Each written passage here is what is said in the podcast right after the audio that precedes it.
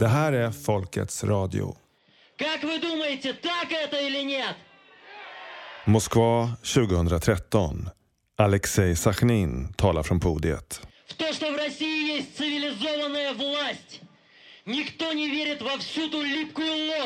Som en av ledarna för ryska vänsterfronten var han med och organiserade protesterna mot Putin. Protesterna möttes av gripanden och fängelsestraff. Och kort efter att Alexej hållit sitt tal får han veta att han står på tur. Det var början av maj. Och det ringde telefon hela tiden. Det är min advokat. Så jag tog telefonen och han sa att vi måste prata just nu. Han kom, vi träffades och han sa ganska, ganska enkelt. Idag träffade jag polis som arbetar på mitt fall. De tänker att uh, gripa dig. Men så nu du har tre dagar, tre dagar att flytta bort, Fly från landet. fly från landet. Alexej flydde till Sverige där han fick politisk asyl.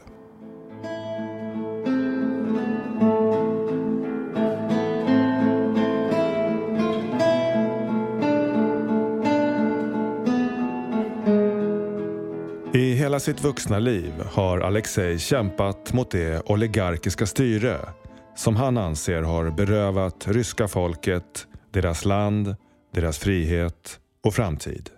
Jag lärde känna honom när han bodde i Stockholm och blev fascinerad av hans märkliga öde. Hur han först varit en eftertraktad skribent som både höger och vänsteretablissemanget gärna ville förknippas med. Och det, min första år i Sverige funkade extremt bra. Jag skrev typ 40 artiklar i svensk media. Och det känns... Allt funkar exakt som jag vill, eller nästan som jag vill. Jag kan prata med riksdagsledamöter och med byråkrater och viceminister och alla. Men så 2014 skrev han ett par kritiska artiklar om den nya regimen i Ukraina som han menade hade samröre med nynazister. Och vips så var det som att han överträtt en osynlig gräns. Och nu var de flesta dörrar i den svenska journalistiken stängda för honom. Inte bara det. Han beskylldes för att vara en megafon åt Putin. Rent av Putins agent. Det låter lite roligt. Lå- Låter roligt. Det är oxymoron. Finns det orden oxymoron? Oxymoron.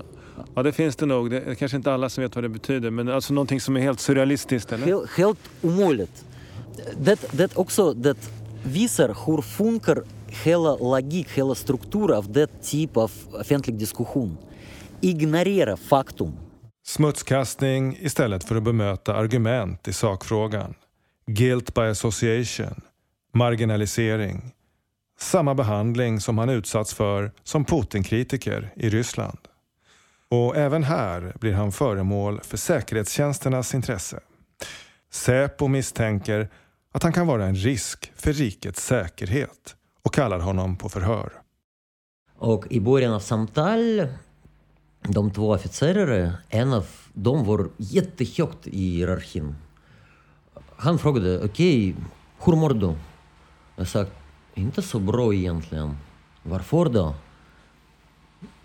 För jag var bjuden till FSB ett par gånger i Ryssland, till era kollegor i Ryssland. Och det slutar inte så bra för min liv. Och de blev arga direkt, på en gång. De är ingen kollegor till oss. De är blodiga diktaturen. Vi har ingenting gemensamt. Och sen det var två timmar exakt som i Ryssland. Hur känner du henne? Hur känner du honom? Ehm, vem som uh, organiserade det här mötet? Vilka frågor diskuterar du med dem? Och så vidare. Utslängd i kylan försörjer han sig som diskare på Gotlandsbåten.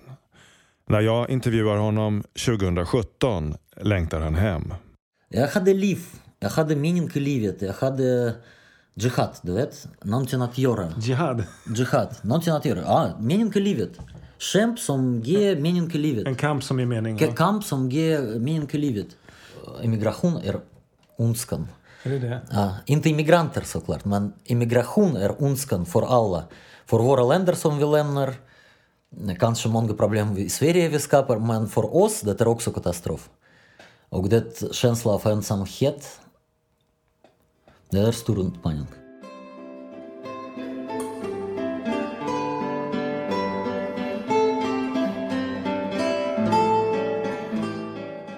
–2019 får han besked av sin advokat om att hans ärende är nedlagt och han återvänder hem. Året därpå besöker jag honom i Moskva. Efter det de sagt öppna eller vi kommer göra dörren trasig. Han berättar om första gången han fick påhälsning av polisen. Då jag öppnade dörren. De stod där upp. Och det var sånt hela portingången på alla lestnicer, på alla... Ja, Alltså det stod poliser genom, på varje trappsteg hela Ja, vägen ner. he- Hela vägen ner. Jättemycket. Och alla grannar också kom och tittade därifrån överallt. Och jag stod, vad vill ni?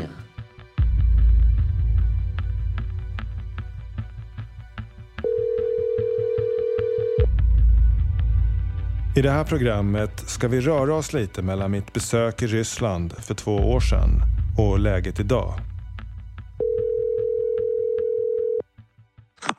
Да, Пер, привет. Привет, привет. Как дела? М, Ну, так, нормально. Чуть-чуть тревожно. Idag är han åter rädd för att när som helst hamna i fängelse. В России происходит устрашение, вешают билборды. Moskvas anslagstavlor upplyser om att alla landsförrädare kommer arresteras. Пятая колонна, готовьтесь, вы следующие. Som krigsmotståndare och mångårig Putin-kritiker vet Alexei att han kan bli gripen vilket ögonblick som helst. Очень боюсь. Han hoppas de kommer skämmas i så fall, de svenska journalisterna som kallade honom för Putins megafon. Ну, надеюсь, им как бы стыдно будет.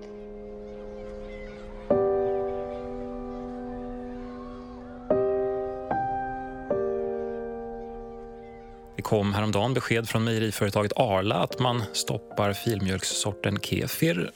Anledningen är att förpackningen har en illustration av Röda torget i Moskva. Vi ska också prata om mekanismerna bakom den alltmer hysteriska demoniseringen av Ryssland med psykiatriker Ruslan Savitsky. Så nästa station det blir interneringsläger. Liksom, och vi, vi känner ju från historien några sådana här läger. Och Svenshem, Treblinka, liksom, där man samlade alla sådana här äckliga människor före man slutgiltigt ja, brände upp dem eller gjorde tvål av dem. Så det, det, vad är nästa station?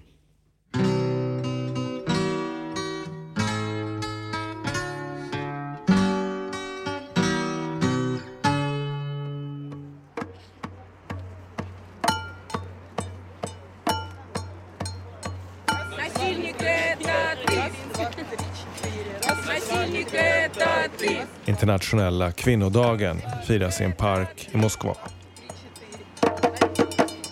Bakom den uppsluppna atmosfären är det allvar. De sjunger en protestsång mot statens förtryck och mot mäns våld mot kvinnor. Vi behöver rättigheter, inte blommor, säger Marina. Jag bodde i Ryssland några år på 90-talet. Minns hur den 8 mars alltid var en festlig dag då champagnen flödade på arbetsplatser och blomförsäljningen slog alla rekord. De mer politiska aspekterna av kvinnodagen lyste med sin frånvaro. Men nu är det alltså år 2020 och åtminstone i huvudstaden finns en växande feministisk rörelse.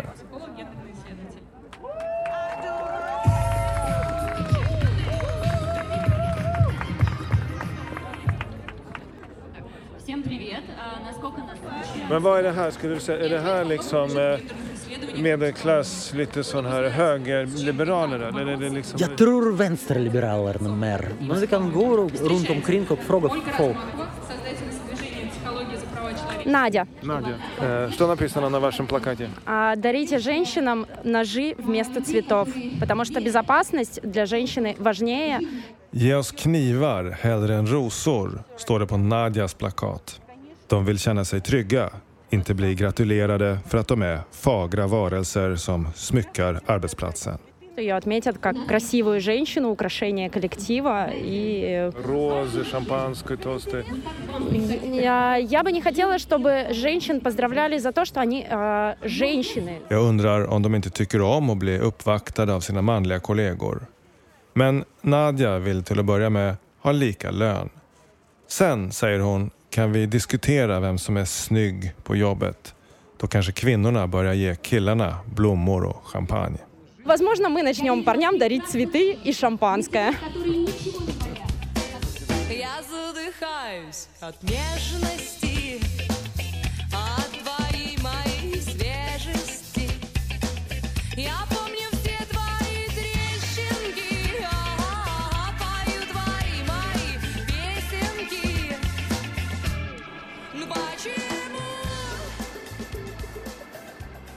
Det är mitt första besök i Ryssland på flera år. När vi flanerar genom stan slås jag av hur den förut av liv sjudande huvudstaden har genomgått samma nyliberala likriktning som andra storstäder och förlorat mycket av sin charm. Vi är i en av central Moskvaområden som heter Zamoskvarechje. Men, men de här kioskerna, det finns inte så många kiosker nu längre? Nej, nästan existerar inte i Moskva. Förut var det, om man gick här, det var många Hela det torget var full, total full. Det var en små stig mellan kioskerna. och de sålde tidningar, pennor, sprit. Allt möjligt, underkläder, allt. Den, den här liksom sjudande energin som var typisk för Moskva med kiosker överallt och Ja. lite sånt. Det här gatulivet har försvunnit lite grann. Mycket. Och nu ser vi många här som åker med in- inom det du kallar för plattformekonomin, den här Uber och sånt va? Ja, extremt mycket. Idag, kolla, de gröna och gula människor, ibland röda också. Kolla hur många är de? Överallt. Och vad gör de? De levererar? Levererar mat mest. Pizza, sushi, McDonalds, shawarma. Allt möjligt. Så det verkar vara enormt många som jobbar i den här eh, nya gig- Mm. gigekonomin. Ja, gigekonomin. Mycket mer än i väst. Och eh, det här företaget heter Delivery Club. De, när jag kom, hela staden var full av deras reklam. Och de, det var en serie av porträtt. Och man sagt, din beställning kommer levereras av lärare, av person som eh, vet fem språk, eh, av uh, skådespelare. Så det, det var tydligt, era kompetenser och talanger är fuck off. Ingen behöver. Ni ska leverera pizzor. Ru, ryska och engelska lärare kommer leverera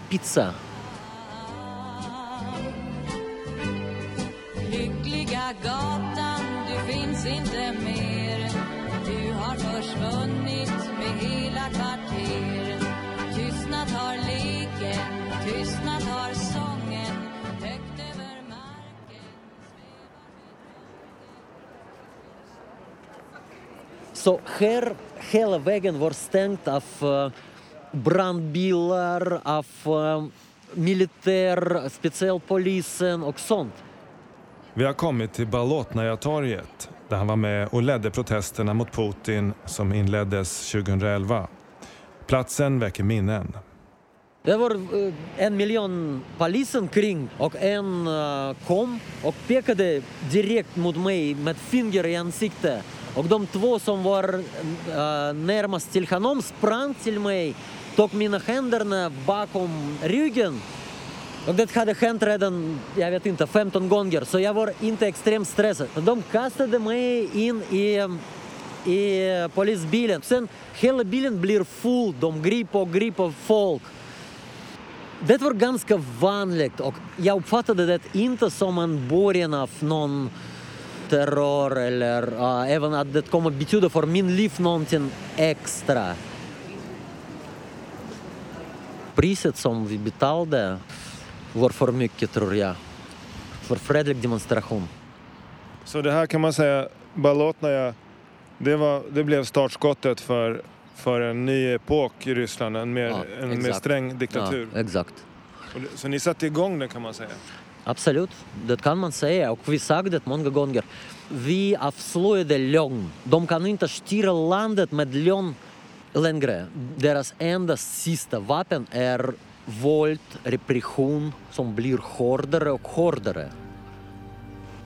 Vad får du för känslor nu idag när du står här? Konstighet.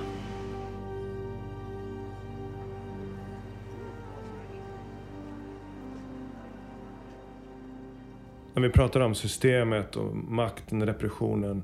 eh, ibland kallar du, du pratar om hydran, det är som en hydra som finns, som en enorm, eller deep state använder man ibland pratar. Eh, vad är egentligen den här hydran? Är det en person, Putin, som är, eller är det ett sorts, hur skulle du förklara det här repre- repressiva? Försvinner det med Putin till exempel? Nej, inte för säkert. Såklart Putin är just uttryck just symbol, just namn till det här hydran. Men, hydran. Men hydran i sig såklart är systemet. Och det är systemet av extrem ojämligt och orättvist samhälle där all rikdom och all inkomster är koncentrerat i, i hand av jättesmå oligarkin. Händerna på ett litet få- fåtal oligarker. Ja, Putin är som Alexej ser det ingen avvikelse utan en fortsättning på den kriminella fas som inleddes efter Sovjetunionens kollaps när ofantliga allmänna egendomar privatiserades med brutala metoder i början av 90-talet. Följden blev exploderande klassklyftor, söndertrasade trygghetssystem och en tsunami av social utslagning i form av hemlöshet, våldsbrott, missbruk, självmordsepidemi och en kraftigt försämrad folkhälsa. Efter bara några år av denna chockterapi levde över 70 miljoner ryssar under fattigdomsgränsen. Samtidigt hade det bildats en ny härskarklass med internationella förgreningar som plundrade landet på nästan allt av värde. De så kallade oligarkerna Och det hydran, vi, vi ser ju очертания hennes... Konturerna av den. Kon, kon, Konturerna av hydran. vi ser överallt. Vi ser mer censuren, mindre yttrandefrihet, mer politisk auktoritarism, mer falskade uh, val överallt i världen. Den här intervjun görs alltså vårvintern 2020, några dagar innan WHO förkunnar en pandemi. I vissa avseenden känns den som ett preludium till det som komma skulle. Ryska uh, formen, ryska, ryska exempel är just mer karaktäristisk, är just mer brutalt.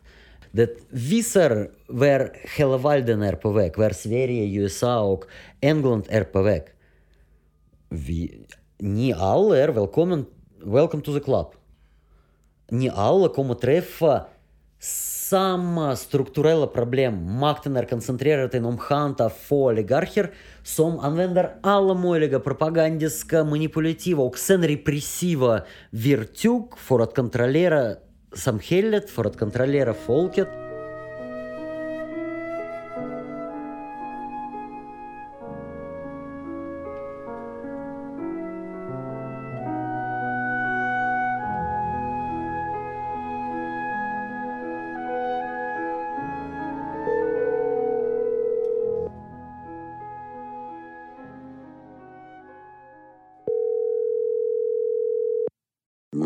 просто товарищи по левому фронту бывшие, они звонили, говорили, слушай, сейчас не время. Han har i många år varit en av ledarna för ryska vänsterfronten. Nyligen lämnade han partiet i besvikelse över att de inte ville eller inte vågade fördöma invasionen. И, Ну, я видел, что это просто как бы моральная капитуляция. Atmosfären i Moskva är spänd, ångestfylld, lättantändlig. Просто я стал замечать, обращать внимание на то, что люди постоянно ссорятся. Folk börjar skrika på varandra för minsta småsak. Какие-то люди с ничтожным поводом начинают орать друг на друга. Все на грани срыва, все на грани истерики. Alexej hoppas också att omvärlden förstår att det här är Putins krig, inte ryska folkets. очень важно демонстрировать, что это не война русского народа. Это война Владимира Путина. Fienderna är som Alexej ser det inte vanliga människor av annan nationalitet. Враги друг другу не простые люди разных национальностей. Utan fienden för alla människor, oavsett nationalitet, är de som styr. Враги — это те, кто ими правит.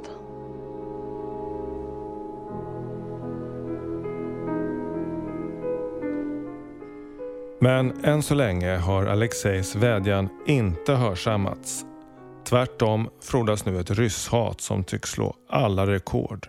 Med ryssar som blir av med jobb, artister som stängs av, idrottsmän som portas. Människor med ryskt påbrå mobbas på arbetsplatser, skolor och förskolor.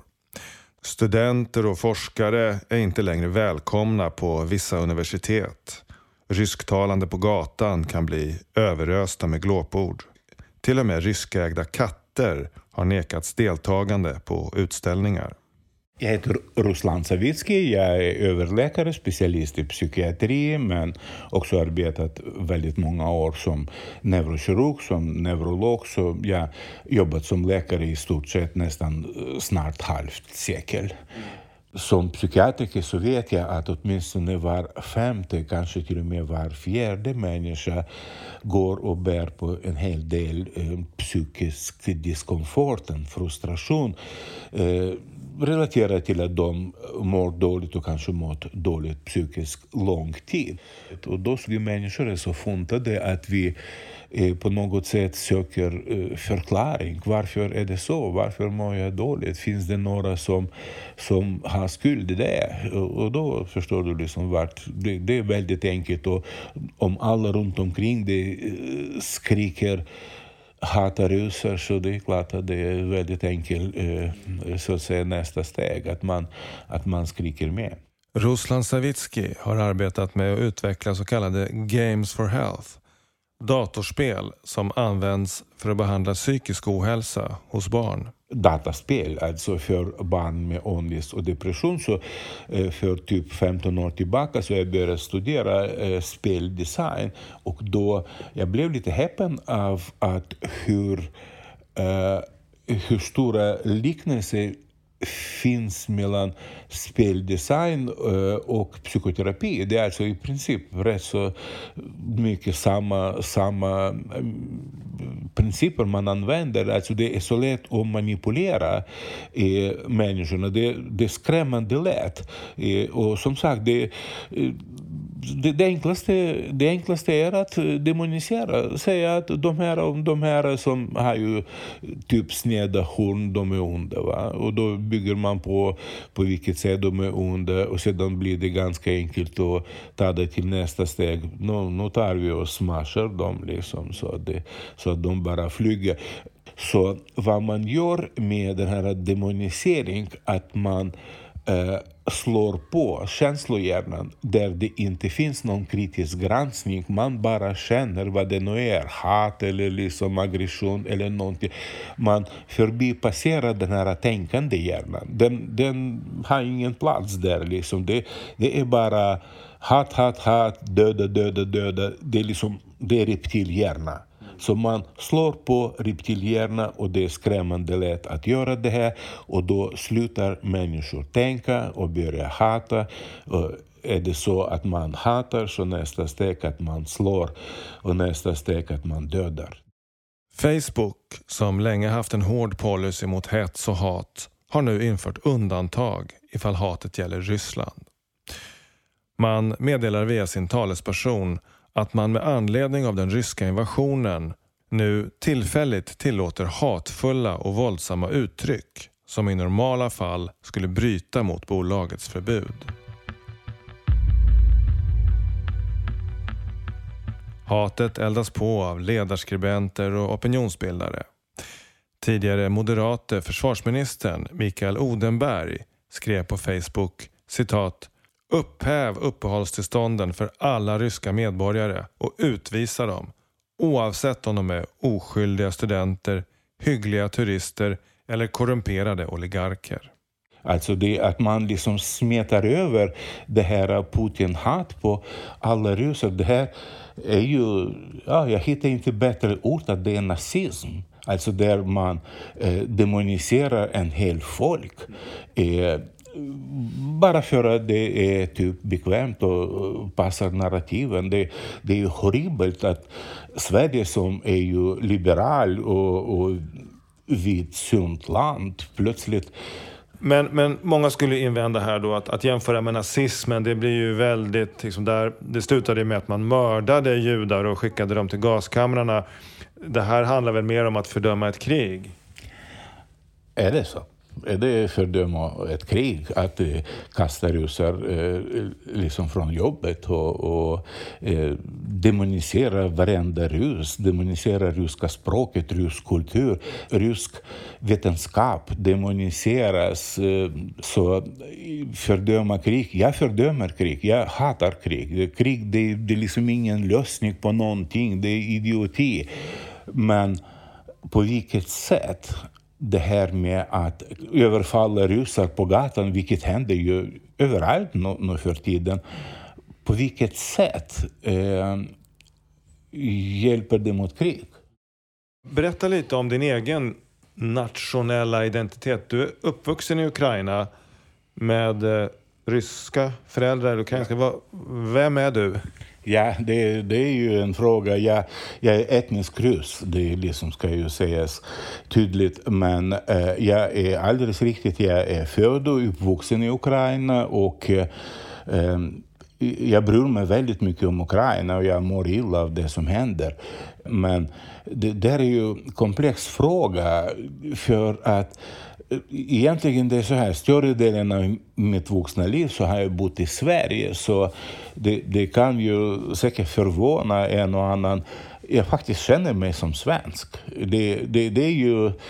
Ehm, jag känner mig som svensk, som ryss och som ukrainare eftersom större delen av mitt liv har ju då ja, varit förlagt till de här ställena. Jag bryr mig om folk, jag bryr mig om kultur, om språk. Eh, min syster hon är, eh, hon är äldre än jag, hon är 75, så hon är i Kharkiv, en av de absoluta eh, hemskaste ställen just nu i Ukraina. Eh, och eh, förhoppningsvis eh, så kommer hon idag att sitta på en sådan humanitär konvoj. Eh, så jag bara håller tummarna.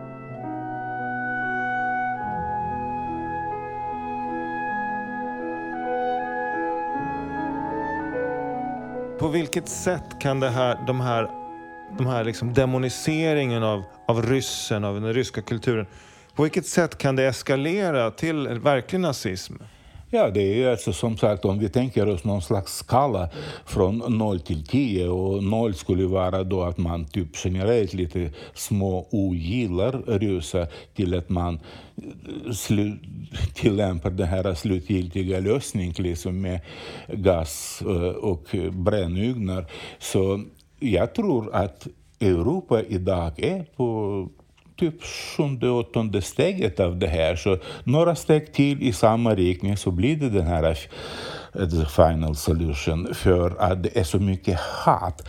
Och eh, det som tycker jag är jättejobbigt. Jag förstår hur den här hat manipuleras fram. Det är så rent biologiskt, det är så enkelt att manipulera fram sånt här. Det är liksom, vi alla människor, vi, vi har inbyggt i oss eh, den här eh, eh, tendens att eh, se omgivning som vi och dem. Och då är det kolossalt lätt hänt, det är skrämmande lätt att manipulera folk till att välja vi och dem, det vill säga de är inte riktiga människor, de äter äcklig mat och de har ju äckligt språk och, och, och helst så borde de inte finnas till. Det är, alltså, det är så oerhört lätt att hamna där för att vi har det här inbyggt i oss. Och alla skurkar i världen som vill säga krig och förödelse och allt det där, och det finns tyvärr väldigt många sådana, de kan det här väldigt enkelt. De utnyttjar det här. De trycker verkligen det här hatpedalen eh, liksom in i botten. Eh, det, alltså, det, bör, det börjar alltid med demonisering. Man förklarar att de andra är onda. Постой, паровоз, не стучите колеса. Кондуктор, нажми на тормоза. Я к маменьке родной, больной и голодный, спешу показаться на глаза. Åter i tidsmaskinen till mars 2020. Nattåget till Pienza, en stad drygt 60 mil sydost om Moskva.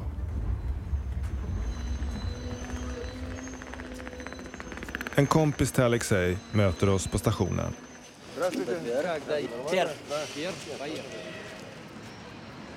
Pienza har skakats av ett uppmärksammat justitiemord där några unga killar som på fritiden studerat anarkistisk litteratur och lekt rollspel i skogen med låtsasgevär blivit dömda till extremt långa fängelsestraff för förberedelse för terrordåd. Enligt närstående har bekännelserna kommit efter tortyr. Vi ska få träffa en av föräldrarna och Alexej försöker förklara för mig vad rättsfallet i stora drag handlar om. Enligt honom har säkerhetstjänsterna fått i uppdrag att avskräcka folk från alla former av politisk aktivism.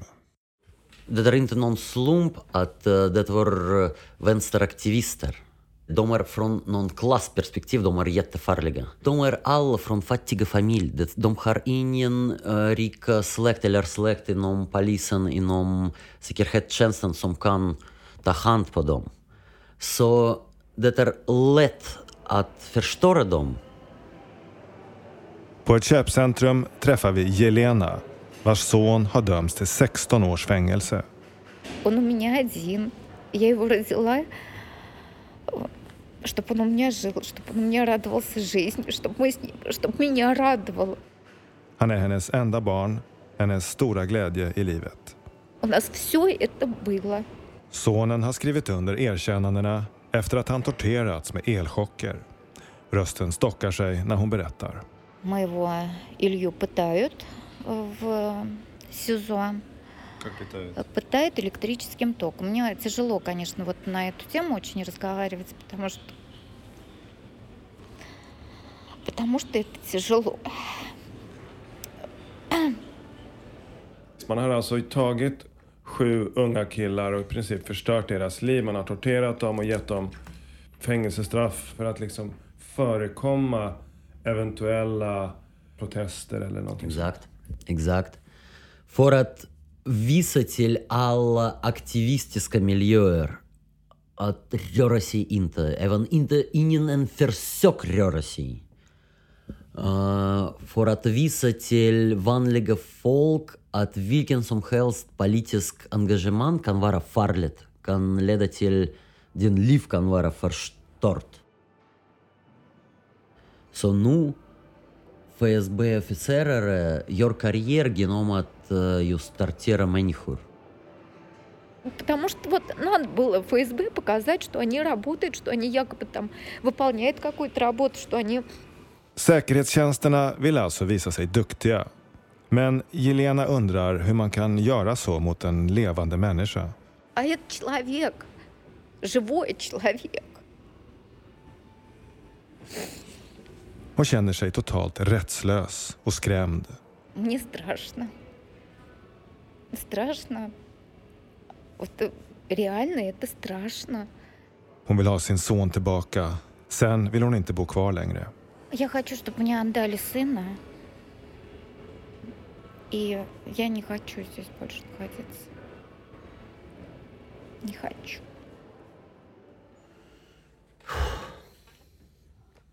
Sword at Forestelacy Hurshensdet for Middle Olderskvin at Shenat Hinesendest Barnson Vorterterat Okuner Maktlös.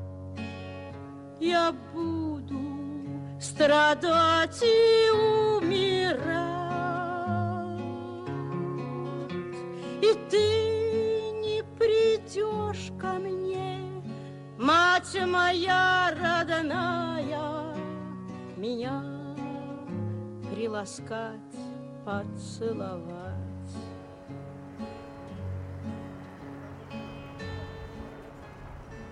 Здравствуй, товарищ Сталин. Leve kamrat Stalin, ropar mannen vid mikrofonen och de församlade åhörarna jublar. De har kommit för att nedlägga blommor med anledning av den forne Sovjetledarens födelsedag. De flesta är äldre, men det finns även unga människor som i Stalin ser en symbol för kompromisslös klasskamp och önskar att han skulle komma tillbaka och rensa upp bland de korrupta oligarker som styr Ryssland idag. Маргарита Абрамова, я журналист, э, журналист из э, Пензы, и, собственно говоря, э, моя сфера интересов — это, конечно, социальная журналистика и политическая. Vi träffar en ung journalist, Margarita Abramova, som har en Stalinplansch på kontorsväggen. Han sitter på en motorcykel med mörka solbrillor. I'll be back, står det. А, а что? А что было в то время? Ну, прекрасно знаем, да, о том, что а, любой человек мог получить нормальное человеческое образование и благодаря своему таланту и трудолюбию Hon förklarar att på Stalintiden kunde alla människor åtminstone få en värdig utbildning tack vare talang och flit. Idag kommer man ingen vart om man inte har kontakter. Man får varken tillgång till bra utbildning eller sjukvård. Man förblir fattig och rättslös. люди выживают как, кто как может, да, в основном молодежь, а, Которая да, там закончила учиться, получила диплом, они все уезжают в города-миллионники. Москва, Питер. De flesta i hennes ålder har lämnat Penza för det finns inga jobb. Folk överlever bäst de kan. А, ну, Путин, без сомнения, это бесправие. Hon säger att Putin symboliserar rättslöshet, orättvisa och tumskruvar som hela tiden dras åt. Постоянное а, закручивание гаек. Ну, не страшно быть радикалом в такое время? А, Radikal, skrattar hon, är det enda man kan vara i Putins Ryssland. а что нам оставляет путинская власть? Только быть радикалом.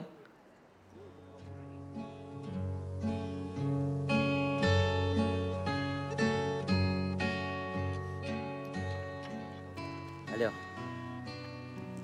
Ага. Да. А, мы вдвоем вот с товарищем моим. А, остановка Шевченко. Ну, хорошо.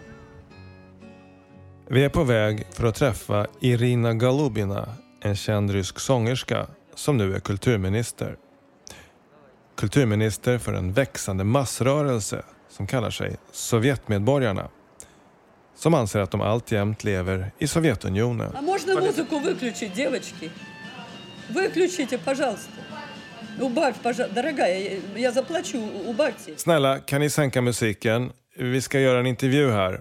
Ber hon servitriserna på sushi-restaurangen där vi sitter. Девчонки, мы же пишем все, чтоб вот Det är en av de märkligaste intervjuerna jag har gjort under alla mina år som reporter. Ryska federationen, förklarar Irina Galubina, är bara namnet på en firma registrerad i utlandet. Это коммерческая фирма ООО Российская Федерация. Это никакая не страна, это никакое государство, это фирма зарегистрирована там где-то в Штатах. Den har varken land, valuta eller människor. Земли у нее нет, граждан у нее нет, валюты у нее нет у этой фирмы. När vi gör den här intervjun har Sovjetmedborgarna över 100 000 medlemmar. De lever helt parallella liv, har sina egna pengar och egna körkort. De erkänner inte Ryssland överhuvudtaget. Hon visar oss tecken på att hennes ryska inrikespass i själva verket är ett fejkdokument som gör innehavaren till slav och livegen. Alexej försöker argumentera med henne. Säger att systemet är orättvist, men verkligt. Poliserna, Pengarna finns på riktigt. Men hon håller inte med.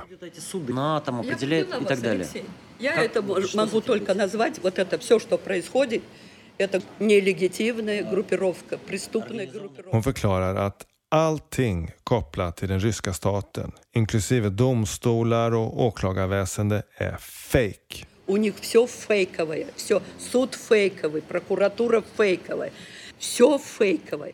Innan vi skiljs åt undrar jag om inte kulturministern kan sjunga en sång för oss.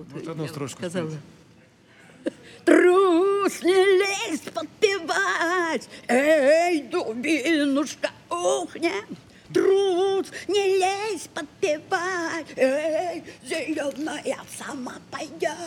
Несмотря на поддельные русские вкусы, но какие вы русские, если вы трусы.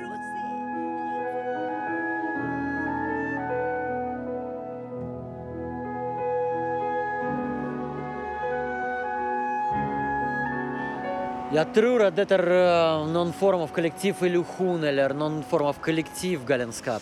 Att folk orkar inte just vara kvar här i den här ryska federationen som är så jävla orättvis, så jävla omöjligt. Så de just flyttar till någon, någonstans.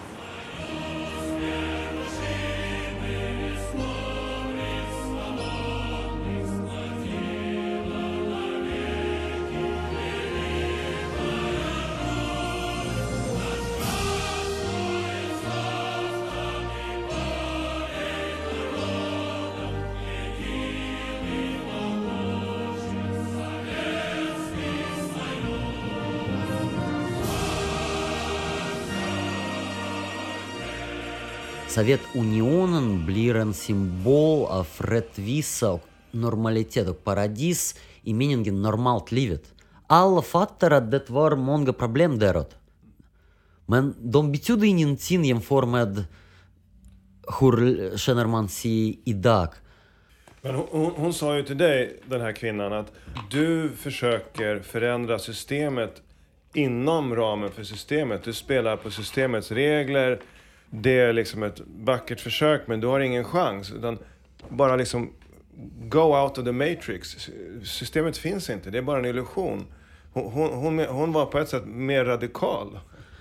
Jo, frågan är eh, vilken, vilken, vad menar vi under systemet? Om det är verkligheten, då vill jag stanna kvar inom systemet.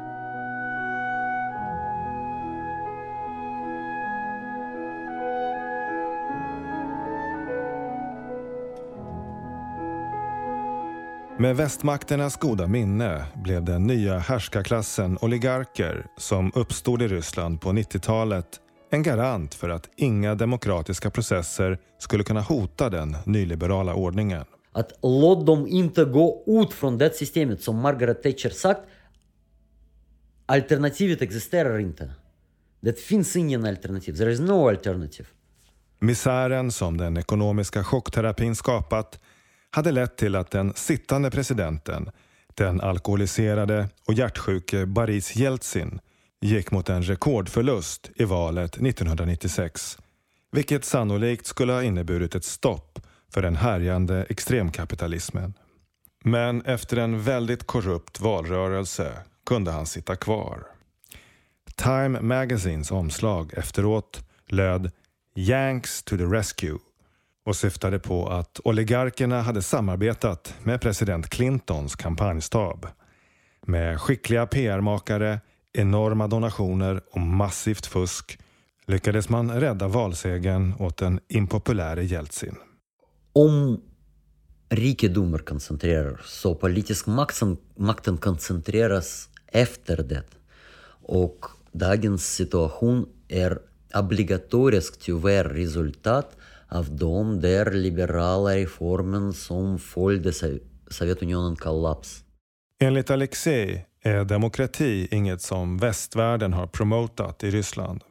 Ett skäl till varför Alexei gjort sig impopulär i det svenska medieetablissemanget är att han påpekat att härskarklassen i västvärlden använder Putin som den Orwellska yttre fienden för att kunna driva våra egna länder i samma auktoritära riktning. En av de svenska journalister som angripit Alexej och kallat honom för en Putin-megafon är Patrik Oksanen som ingår i den NATO-nära tankesmedjan Fri Värld. Och nu, sedan invasionen, har han varit en av de mest aggressiva russofoberna i den svenska debatten. Bland annat med en hätskartikel i Uppsala Nya Tidning.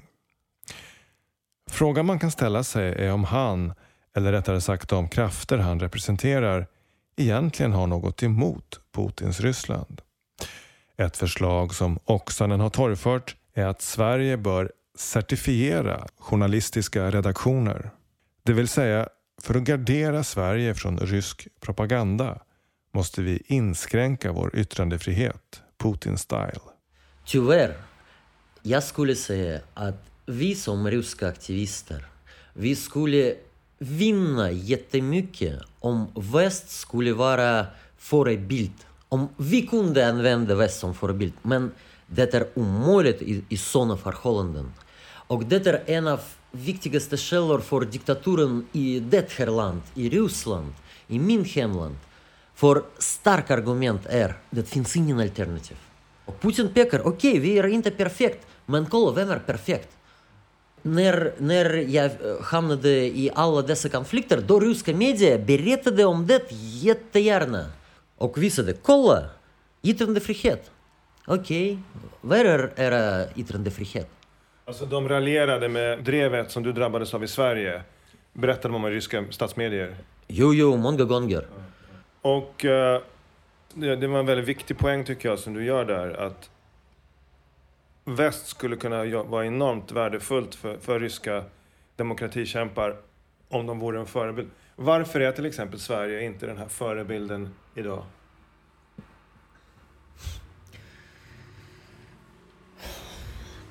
Det blir mindre och mindre förebild. Det blir mindre och mindre trovärdighet. För oftare och oftare vi ser situationer där yttrandefrihet begränsat. Där politiska oliktänkande är under press. Under tryck. Under tryck.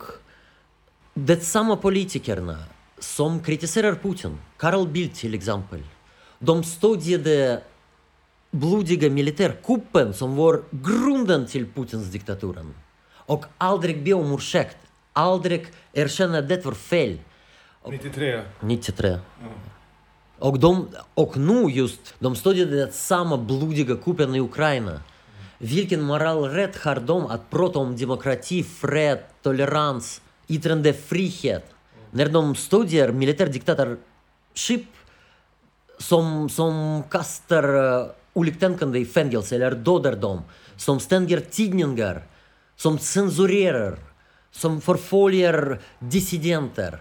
Så det demokratiska väst som vi värderar fortfarande, det väst i meningen demokrati, mänskliga rättigheterna, sociala rättigheterna, värde, det är borta.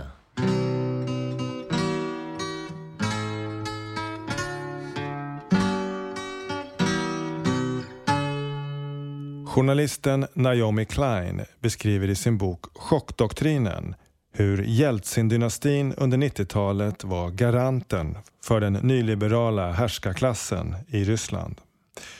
Man fuskade honom till valsegern 96. Men när ekonomin bröt samman till slut gick det inte längre med konstgjord andning. Den sjuklige presidentens opinionssiffror rasade till hopplösa 6 procent. Härskarklassen behövde en ny dynasti. Citat.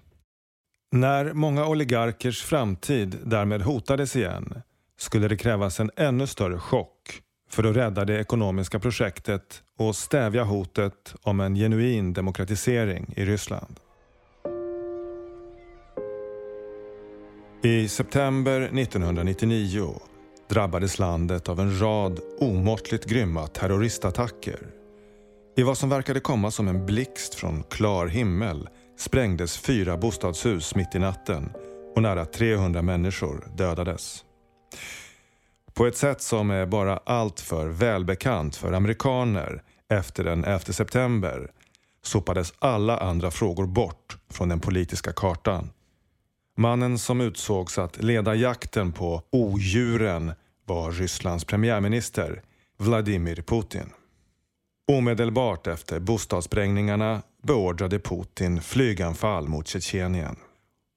Och så den 31 december 1999 i ett läge där kriget i Tjetjenien uteslöt varje seriös debatt iscensatte ett antal oligarker ett stilla överlämnande av makten från Jeltsin till Putin utan att några val behövde hållas.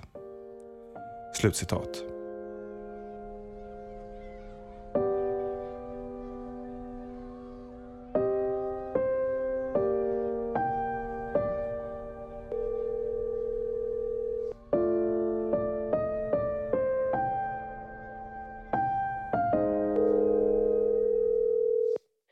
ну, становится очевидно, что просто для того, чтобы выйти из этой катастрофы, Alexei tycker att det borde vara kristallklart nu för alla, inte bara i Ryssland, att det enda sättet att förhindra fullständig katastrof är att byta ut inte bara Putin utan även den värld vi har byggt upp under de här 30 åren som gjort hans tyranni möjligt. не только президента, но весь строй, который сделал возможным этого президента.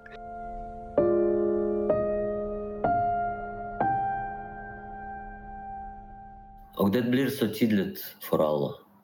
Just två svar på frågan vad att göra eller Ryssland är Putin och då aldrig ingenting ska bytas. Eller Putin och hela systemet är oförenligt med Ryssland. Med livet. Med fred. It's been a long,